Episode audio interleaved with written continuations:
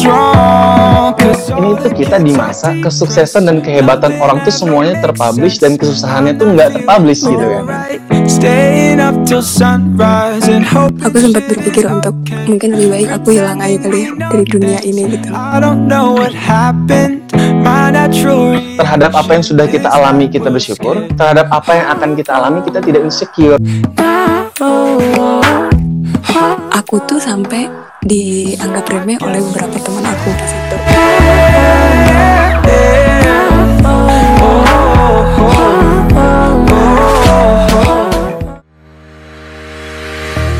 You're listening to Best Version of Us.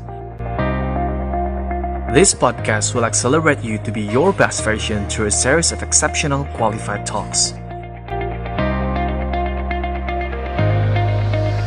You might not about to be the best amongst folks.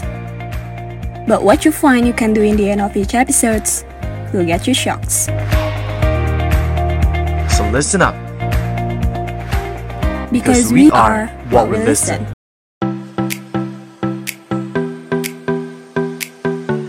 Alright, selamat datang di podcast Best Version of Us bareng gue Jihar. Dan bareng gue Foren, Kita berdua akan menjadi host di setiap episode pada podcast Best Version of Us ini. iya Oke. benar banget.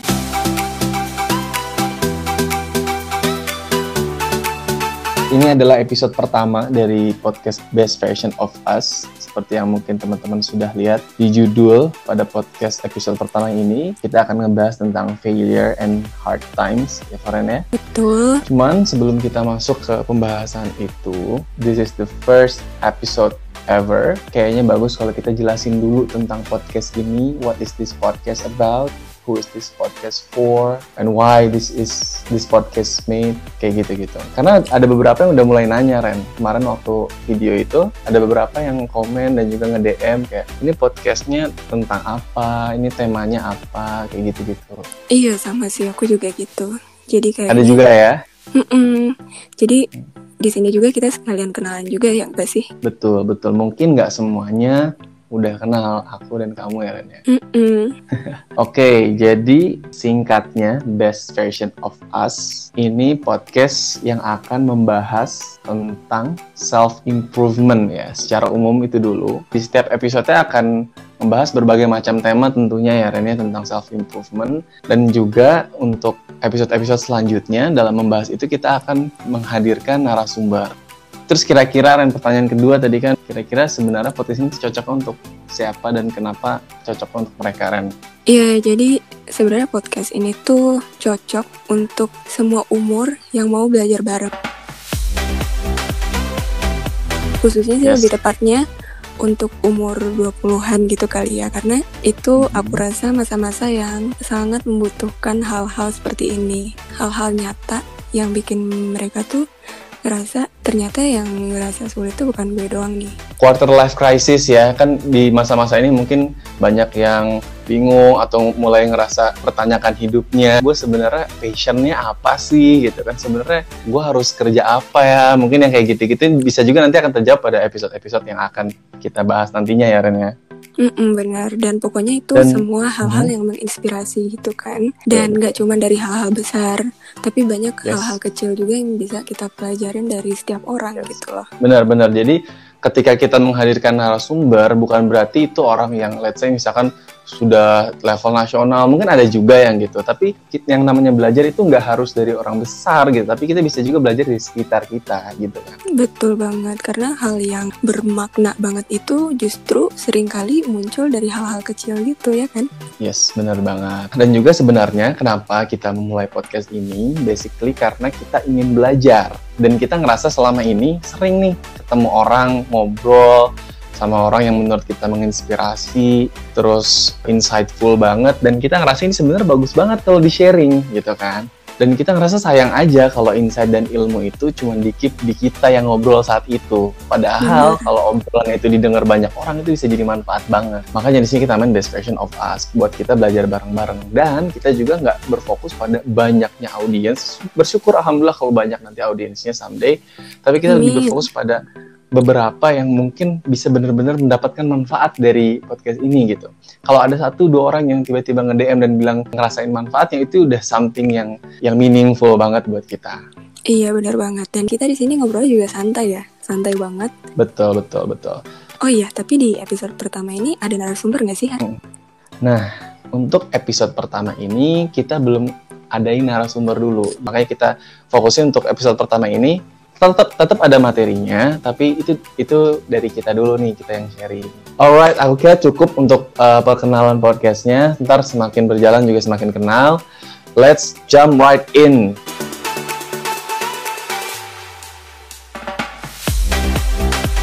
Untuk pembahasan pertama nih Rabbit, di episode pertama kita akan membahas seperti di judulnya adalah failure in hard times. Bener Aku rasa hampir orang pasti pernah ngerasain ya yang namanya gagal, masa sulit, at least akan merasakan itu. Jadi aku rasa ini hal yang relate untuk kita bahas, untuk saling memotivasi dan juga untuk memberikan insight gimana sih kita sebaiknya dalam menghadapi uh, masa sulit tersebut.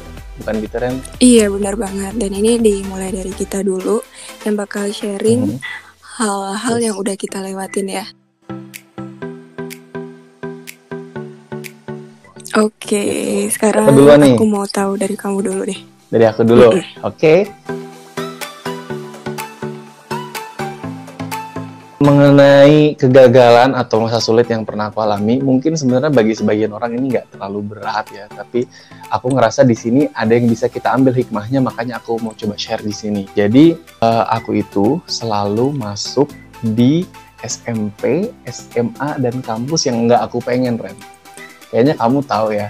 Jadi aku tuh awal dulu SMP itu zaman zamannya RSBI kalau masih inget ya rintisan sekolah berstandar internasional Iya, Dan- ingat-ingat. dan aku nggak keterima. Akhirnya aku masuk SMP Islam Terpadu, suatu SMP swasta yang jangankan alumni kelas 3 SMP-nya aja belum ada. Tapi itu bagus Aku SMP-nya ya. Jangan merendahkan SMP aku nih kamu nih.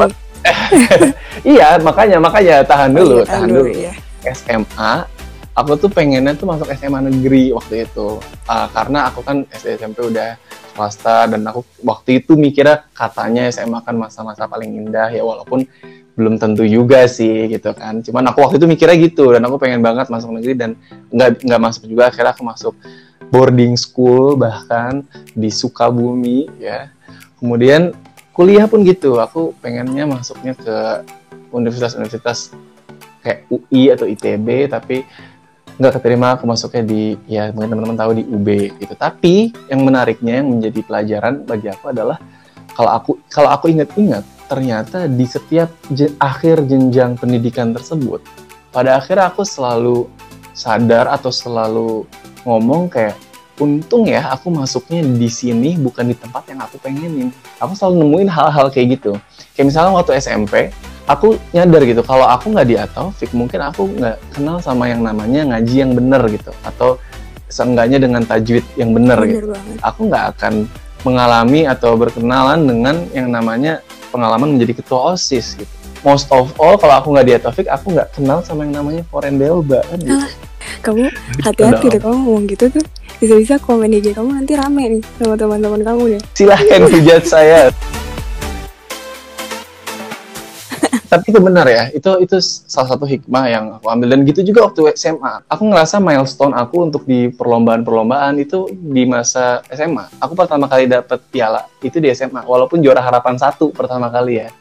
Juara harapan. Itu juga poetry reading. Dan itu jadi milestone. Awal aku nolak-nolak tapi akhirnya jadi sering. Dan aku rasa mungkin aku nggak dapet itu kalau di di SMA lain gitu. Kemudian gitu juga kuliah kalau aku nggak di UB mungkin saat ini aku belum lulus. Mungkin saat ini aku masih struggling dengan skripsi dengan perkuliahan kampus atau mungkin dengan organisasi yang mengharuskan aku memperpanjang masa studi misalkan. Artinya dari dari pola-pola tersebut yang pengen aku share ke teman-teman semua dalam menghadapi masa sulit ada suatu skill atau kemampuan yang menurut aku penting untuk dilatih yaitu adalah skill untuk bahasanya tuh seeing the big picture gitu. Untuk melihat yang lebih luas Eh, atau bahasa idiomsnya itu adalah bless in disguise jadi kita harus melihat ada bless ada suatu rahmat gitu ya kalau diartikan secara bebas in disguise yang dalam penyamaran atau yang masih samar-samar karena dengan kita bisa menggali sebenarnya ada apa sih itu ngebuat ngebuat kita jadi lebih bersyukur dan jadi lebih tenang dengan apa pun yang ditakdirkan untuk kita.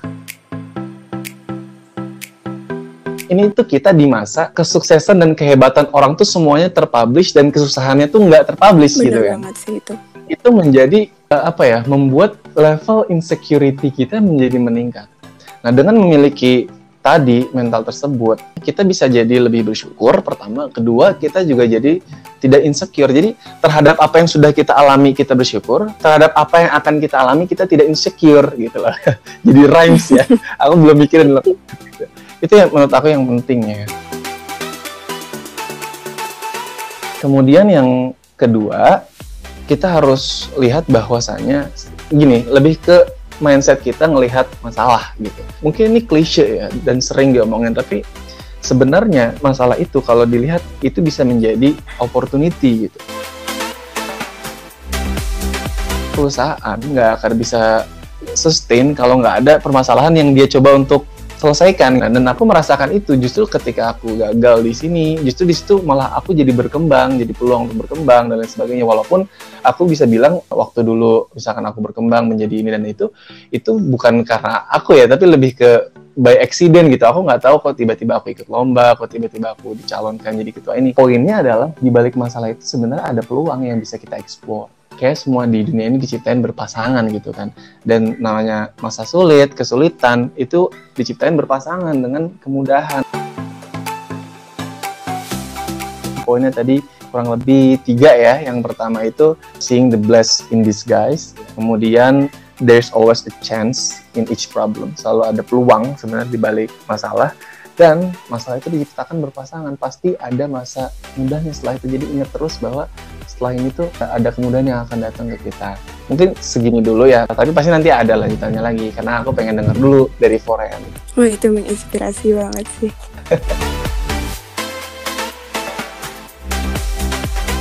Hmm, kalau misalnya dari aku, sebelum aku ada di titik ini, langsung aja ya. Aku nggak bisa ceritain semuanya. Tapi yang pasti adalah oke 80% kesulitan aku itu adalah dengan adanya masalah keluarga. Mungkin orang oke which is nggak bisa diceritain ya Iya, benar banget. Karena aku berpikir keluarga itu nggak melulu tentang masalah kan. Pasti ada Yes. beberapa kebahagiaan yang aku ngerasain dari keluarga juga gitu loh. Aku nggak mau seandainya aku menceritakan masalah itu, pasti orang-orang berasumsinya negatif Ya. kan. Jadi aku Ya. nggak mau Dan- orang-orang jadi berasumsi negatif ke keluarga aku, sedangkan banyak kebahagiaan yang juga aku rasain dari keluarga gitu loh. Oke oke dan itu juga yang selama ini kamu tunjukkan di media sosial ya kan. Soal kalau aku lihat dari media sosial sebagai orang yang mengenal kamu ya, kayaknya kan kamu nggak pernah punya masalah gitu kan di sosial media. Padahal aku tahu waktu masa-masa kamu punya masalah gitu kan. Nggak cuman nggak di sharing aja kan gitu. Iya, bener banget. Karena memang itu keputusan aku ya. Dan Yes. itu juga bukan pencitraan ya. Jadi memang pendidikan di keluarga aku itu cukup keras gitu. Di saat sulit itu gitu. Kebetulan aku juga mendapat masalah 20%-nya dari edukasi gitu, dari pendidikan aku gitu. Jadi benar-benar itu Oke. datang di saat yang bersamaan. Jadi aku ngerasain Hmm. yang kayak berat banget gitu loh. Ya mungkin sekarang aku udah merasakan hikmah dari itu ya. Tapi pada saat itu aku ngerasa kayak kenapa ya? Aku ngelakuin apa ya sampai aku ngedapet cobaan sebesar ini gitu. Kok orang lain tuh kayaknya fine-fine aja ya. Kok kayaknya gak seberat aku sih gitu. Dan bahkan saking beratnya masalah yang aku hadapin pada saat itu, aku sempat berpikir untuk mungkin lebih baik aku hilang aja kali ya dari dunia ini gitu loh. Saking benar-benar beratnya gitu loh. Tapi aku nggak pernah memperlihatkan itu. Kalau misalnya 20% edukasinya itu adalah di saat SMA, kebetulan aku kan alhamdulillah dapat SMA unggulan. Terus juga aku dapat Oke. kelas unggulan. Agak sedikit sombong ya, Hana. Bukan. Oke. Kebetulan juga alhamdulillah aku dapat kelas unggulan di mana isinya pasti kompetitif banget dong ya nggak sih?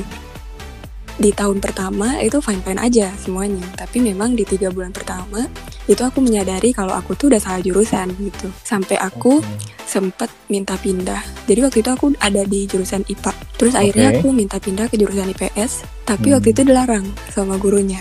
Yang pertama, Hmm. karena alasan kelas IPS itu udah full. Jadi kan waktu di SMA itu ada 7 kelas IPA, satu kelas IPS. Terus gurunya bilang gini, boleh sih foreign kalau mau ke IPS, tapi duduknya di meja guru ya, kayak gitu. Waduh, itu kan, itu sarkas ya. iya makanya. Harusnya kamu iyain aja, oke pak, gitu. Tadinya pengen gitu, cuman kayak udah keburu emosi. Aku kan kalau emosi cuma diam doang kan, misalnya kayak, oh my god, gitu. Terus, aku tau banget sih. pasti gitu. Oke. Terus yang kedua, guru biologi yang bilang kayak, kenapa Forum mau pindah ke IPS? Orang udah bagus di IPA. Karena memang di tahun pertama, kan pelajarannya masih bisa, Iya, oh iya benar. masih terbilang Jadi kalau udah- gampang lah gitu. Ya nggak? Jadi masih bisa aktif. Akhirnya, di tahun kedua, di kelas 11 itu ya, aku ngeliat di kelas IPS tuh ada dua anak baru dong. Itu kayak, Hmm. wow, kemarin bilangnya aku duduk di meja guru nih. Sekarang ternyata Terus dia duduk di meja mana tuh? Kayak- di atap tuh di genteng ya. Aku nggak tahu tuh ya. Aku udah kesel banget waktu itu kan. Cuman kayak ya udahlah gitu. Nah mulailah tuh kayak berdatangan tuh cobaan. Nilai aku anjlok. Sampai SMP itu aku selalu lima besar bahkan tiga besar. Kenyataan ya di Biasanya bagus gitu iya ya. kenyataannya tuh di SMA ya ampun. Itu benar-benar anjlok banget. Dan mungkin memang bagi anak-anak di SMA aku itu remedial tuh udah biasa gitu loh cuman yang Hmm. menjadi tidak biasa untuk aku adalah aku tuh sampai dianggap remeh oleh beberapa teman aku pas itu gitu karena memang Oke. eh, yang pertama nilai aku tuh anjlok banget terus yang kedua aku memang tipe orangnya santai gitu jadi untuk Hmm. orang yang nggak terlalu kenal aku mungkin melihat aku tuh kayak pemalas jatuhnya gitu loh padahal kan di balik itu ya memang aku tuh tidak terbiasa untuk panik dan apa-apa tuh memang terbiasa menghadapinya ya udah kayak santai aja gitu loh. Iya. tapi aku waktu itu untuk yang teman-teman yang anggap remeh itu aku masih tetap baik sama mereka cuman aku kayak cukup tahu aja gitu loh. Itu sih yang bikin berat banget sampai akhirnya aku gagal SNMPTN aku gagal tuh undangan SBMPTN lewat ya gagal tuh ujian Mandiri, mandiri. mandiri aku ikut tuh simak nah di sinilah Gagal juga. kegagalan itu juga ada gitu Muncul bermunculan terus. Iya. Setelah numpuk keluarga, guru, temen, sekarang ketolak juga sama kampus. Iya, akhirnya ada pembukaan untuk D3 IPB. Nah, akhirnya aku ngambil itu. Pilihan Hmm. pertama akuntansi dan alhamdulillah waktu itu keterima. Jujur ya, waktu SMA aku pernah ngelewatin kampus aku itu. Dan aku sempat berpikir kayak gini, ih apa ya rasanya kuliah di kampus yang kayak gini gitu. Maksudnya itu lingkungannya kan kecil ya, nggak seluas Hmm, Eh, kamu sempat underestimate kali ya? Iya, nggak seluas di UB, nggak seluas di UI yang di Depok, nggak seluas yang di IPB Dramaga. Taunya kayak langsung dikasih, nih rasain nih, gitu kan. Gimana ya rasanya ya, ya Allah kayak gitu? Makanya nggak boleh ya kayak gitu, hati-hati tuh. Nggak boleh guys, hati-hati guys. Segitu itu segitu nggak sombong ya, padahal cuma dalam hati tuh nggak. Terus langsung dirasain Bener, bener, gitu. bener, bener. Tapi hikmah yang aku rasain setelah itu tuh bener luar biasa banget sih. Itu bener-bener Ya itu, aku rasain setelah ngelewatin itu. apa tuh? yang pertama tuh aku jadi bisa ngendaliin emosi dengan baik gitu loh. Yang Yes. kedua, aku juga bisa lebih sabar dalam menghadapin cobaan gitu. Nggak Hmm. langsung gegabah kayak nyari keputusan. Jadi aku lebih mikir panjang untuk ngelakuin sesuatu gitu. Yang ketiga tuh aku jadi sangat mandiri dan kuat. Jadi kalau ada permasalahan di luar yang mungkin bagi orang udah wow gitu, ya aku alhamdulillahnya bisa dengan tenang nyelesain itu gitu. Karena pernah ada teman aku yang waktu itu cerita sama aku sampai nangis gitu. Memang ada sih beberapa teman aku yang alhamdulillah percaya ke aku dan cerita ke aku. Dan jujur saat itu tuh aku rasanya pengen bilang ke mereka kayak ini orang yang di depan lo yang menjadi tempat lo cerita sebenarnya masalahnya jauh lebih berat dari itu loh gitu loh. Rasanya tuh pengen Hmm. ngomong kayak gitu tapi nggak mungkin juga waktu itu. Lanjut, abis itu aku juga jadi lebih menghargai pertemanan gitu loh. Karena di masa-masa sulit itu ya teman-teman yang memang ada buat aku, aku tuh rasanya Hmm, yes, rasanya yes. benar-benar kayak berniat gitu ya di hati. Fix banget kalau aku udah sukses nama-nama mereka itu pasti akan aku sebut gitu loh. Sebut aja ya. Dan salah satunya itu JR Givari ini ya guys. Yo, Jangan bro. lupa bayar ya. Balik layar. Guys. Oke, oke, oke. Berarti ini menarik ya poin yang kedua ini ya. Berarti eh, ketika kita gagal, kita tahu siapa sahabat kita gitu ya. Kan gini ya, katanya kalau kita lagi benar-benar sukses, kita tahu siapa teman-teman kita. tapi ketika kita lagi gagal kita tahu siapa sahabat kita gitu kan Iya benar banget. dan kamu merasakan itu jadi guys perhatikan siapa yang ada di sampingmu ketika kalian sedang sulit guys Iya benar banget. dan ingat mereka terus terus Udah sih Oh. simpel aja kan. oke oke Takutnya kelamaan karena kalau Yes, yes. dijabarin kamu tahu kan masalahnya. Itu aku 10 tahu banget season juga nggak beres mungkin nih. 10 season bener kalah itu Avengers 21 film tuh Cinta kalah Fitri lewat itu. aku nggak pernah nonton aku nontonnya melatih untuk Marvel nih. Ya ampun. Jadi itu ya guys eh, dari Foren tadi intinya mungkin kalau yang aku lihat justru adanya masalah itu ngebuat kita jadi naik level gitu ya. Kita jadi punya kapasitas yang meningkat entah itu kita jadi lebih sabar, kita jadi lebih kuat dan lain sebagainya gitu kan ya. Jadi banget. pertama, kedua benar-benar menghargai teman, menghargai orang-orang yang ada bareng kita di masa-masa Oh iya, dan aku juga mau nambahin dengan kuliahnya aku di D3 IPB ya. Mungkin bagi beberapa mhm. orang yang terbiasa atau menargetkan harus S1 nih. Nah, pasti dia menganggap remeh lah gitu kan.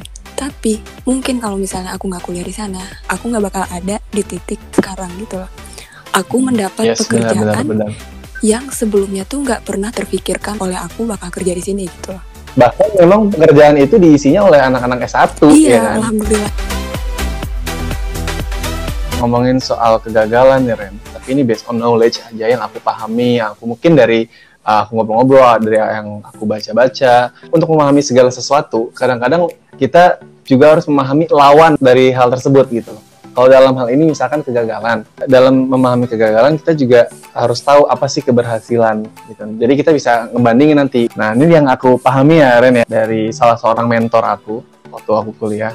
Jadi mentor aku bilang gini keberhasilan adalah pertemuan antara dua pertemuan antara kesiapan dan kesempatan. Kesiapan itu ranahnya internal kita pribadi kita kemampuan kita dan lain sebagainya. Kalau ke kesempatan itu eksternal yang out of control di luar kendali yang ya kita nggak bisa berbuat banyak soal itu.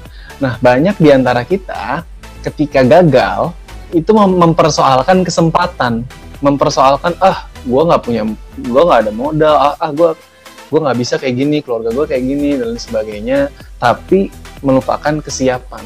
Jadi once kesempatan itu datang dia nggak siap gitu loh. Karena dia selama ini terlalu mikirin kesempatan. Jadi mungkin ini jadi poin selanjutnya juga nih yang bisa di sharing bahwasanya kegagalan itu bisa jadi karena kurangnya kesempatan, bisa juga karena kurangnya kesiapan. Nah, yang yang perlu dipersoalkan itu adalah ketika kurangnya kesiapan gitu. Kalau kurang kesempatan itu kan out of control, di luar kendali. Tapi kalau kurangnya kesiapan itu yang berbahaya. Jadi dari kamu ada nggak something else di luar?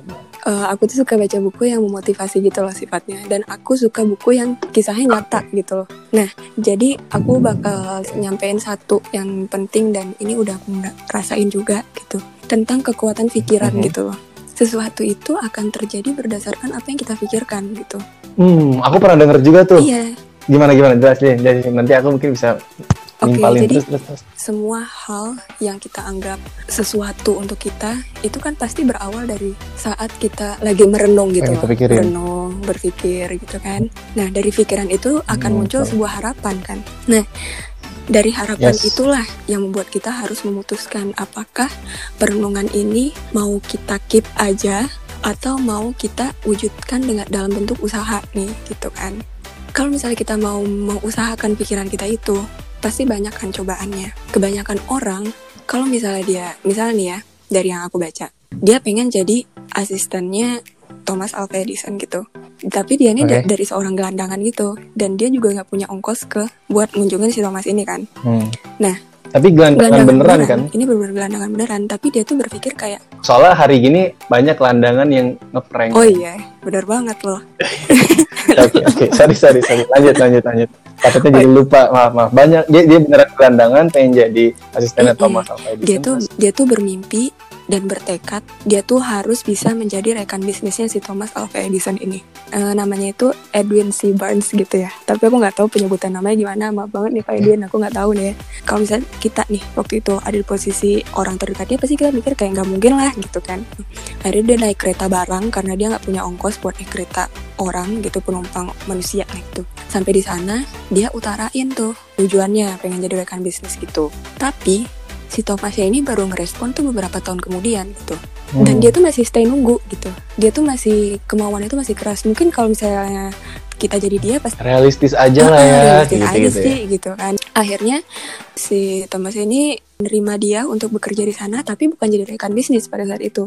Cuman jadi pekerja di sana yang levelnya tuh kayak mungkin bantu-bantu aja gitu loh. Nah sampai akhirnya ada satu mesin mesin dikte. Pokoknya mesin ini tuh dianggap remeh sama pekerja-pekerja di sana jadi mesin ini tuh nggak dikembangin. Tapi si Edwin ini menganggap kayak mesin pendikte Edison ini tuh dia bisa jadi peluang.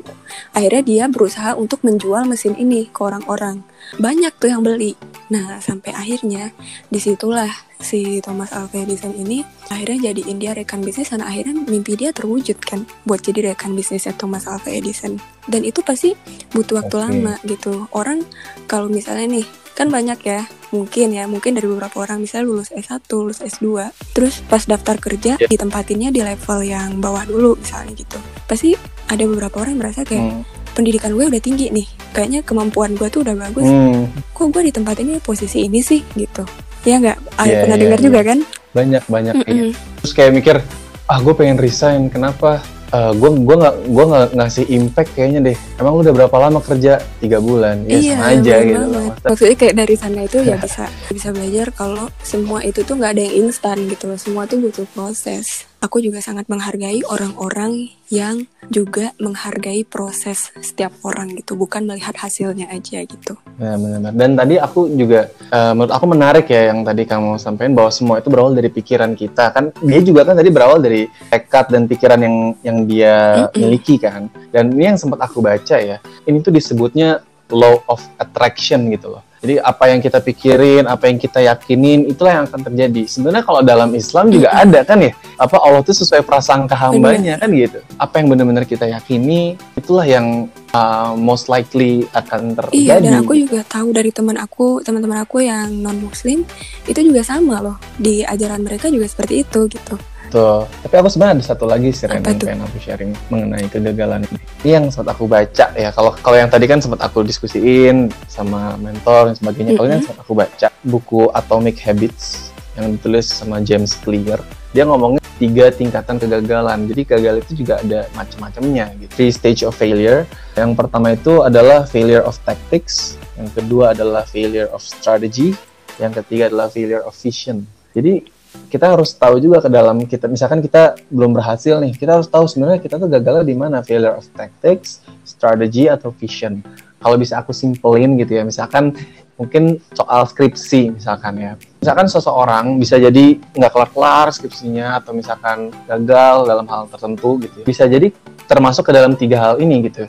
Contoh failure of tactics itu gimana? Failure of tactics itu kesalahan yang dia itu ranahnya tuh how atau cara atau teknis detail. Jadi sebenarnya failure of visionnya udah bener, failure of strateginya udah bener, tapi failure of tacticsnya salah. Jadi misalkan dia dia udah punya visinya udah bener nih, let's say oke dia ngerjain skripsi emang bukan cuma sekedar untuk menyelesaikan doang, tapi bagian dari pembelajaran dan seterusnya, strateginya juga udah bener, apa yang dia lakuin itu udah bener. Cuman dalam eksekusi, dalam how, dalam caranya dia salah. Misalkan dia udah bagus nih strateginya dia bikin perencanaan, dia bikin misalkan kelompok belajar, dia bikin jadwal konsul, tapi dia nggak komit, jadi dalam how-nya itu nggak benar. Nah itu bisa jadi yang membuat dia gagal. Atau bisa juga sebenarnya dia ini how-nya benar, why-nya juga benar di vision tadi. Nah tapi di strateginya, strategi itu what, what-nya itu yang salah. Jadi sebenarnya dia visionnya udah bener nih, tapi dia dalam bikin strateginya dia salah. Misalkan dia strateginya banyak-banyak konsul. Nah, mungkin dia dalam how-nya, dalam tactics-nya tadi kalau bahasa si Mhm. James Clear itu, dia dia benar-benar mengeksekusi strategi dia dan why-nya juga udah benar. Sebenarnya dia tuh pengen belajar. Jadi sebenarnya dia udah bener vision-nya, why-nya, how-nya juga udah benar. Pokoknya gue dalam ngejalanin ini gue banyak-banyak konsul, banyak-banyak konsul. Tapi begitu dia datang konsul, dia masih kosongan, dia belum bawa penelitian terdahulu, dia belum baca, belum bikin sama sekali. Terus datang, ya mas kamu mau ngebahas apa skripsimu? Nggak tahu pak. Itu sama aja gitu kan. Jadi bisa juga yang failure adalah strateginya. Dilihat dulu, jangan-jangan gue ini sebenarnya how-nya eksekusinya bagus, tapi strateginya yang salah. Atau bahkan yang justru bahaya, itu yang terakhir yaitu failure of vision, divisinya. Atau kalau dalam Islam mungkin niatnya gitu ya. Bisa jadi mungkin kita bikin strateginya bagus gitu ya, failure atau tacticsnya bagus, tapi visionnya salah dan ini bisa jadi terlihatnya kita berhasil tapi itu mengarahkan kita kepada suatu hal yang nggak baik karena visionnya salah tapi karena strategi dan taktiknya bagus jadi lulus-lulus aja nih gitu tapi bisa jadi kita nggak belajar apa-apa dari situ kita nggak belajar banyak. Ya kan bisa jadi kayak gitu. Kan misalkan pokoknya gue vision gue ya pengen selesai aja lah ngapain sih dibikin ribet. Tapi dia bagus strategi dan taktiknya dia baca penelitian terdahulu dia ambil dia cuman ubah-ubah situs penelitiannya dikit-dikit set. Terus dia ngejelasinnya bagus strategi ngomong ke dosennya bagus. Akhirnya lulus ya nggak? Tapi akhirnya apa? Nggak belajar apa-apa kayak gitu jadi dalam memahami kegagalan ini juga menurut penting nih bagus juga nih yang disampaikan si James Clear ini ada tiga tadi failure of tactics failure of strategy sama failure of vision Wow, Itu sih mungkin. Tepuk tangan dulu. oke itu Ren ya untuk pembahasan podcast Di episode yang pertama ini ya. episode pertama ini tentang failure dan, dan ini emang kita untuk memulai ya ibarat mungkin Iya, pemanasan benar. dulu kali ya makanya kita belum datengin narasumber tapi tenang aja guys kita udah nyiapin narasumber-narasumber yang luar biasa untuk ke depannya jadi stay tune terus Iya benar banget. Dan ya jangan lupa follow IG kita. Apa IG-nya? bener best version of us underscore Iya, jadi di sana nanti bakal ada jadwal-jadwal kita buat upload setiap minggunya. Narasumber siapa aja yang bakal kita undang. Dan mungkin ada beberapa hal lain yang bakal kita share di sana ya. Bener banget. Dan kita nih bakal seneng banget kalau kalian misalkan punya request pembahasan tertentu. Misalkan kayak gue pengen deh ngebahas tentang financial planning misalkan. Atau har gue tuh pengen banget deh uh, ngomongin soal career development untuk entry level job misalkan oke nanti kita datengin pemateri-pemateri yang cocok untuk Iya, membahas kita itu usahain gitu ya.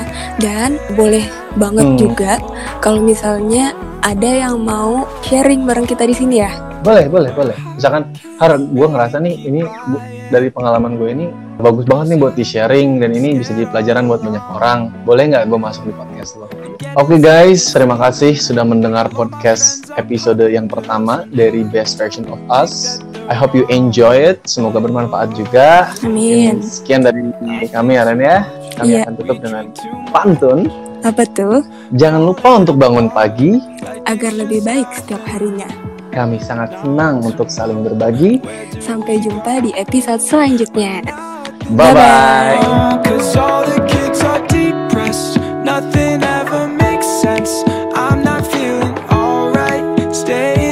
sun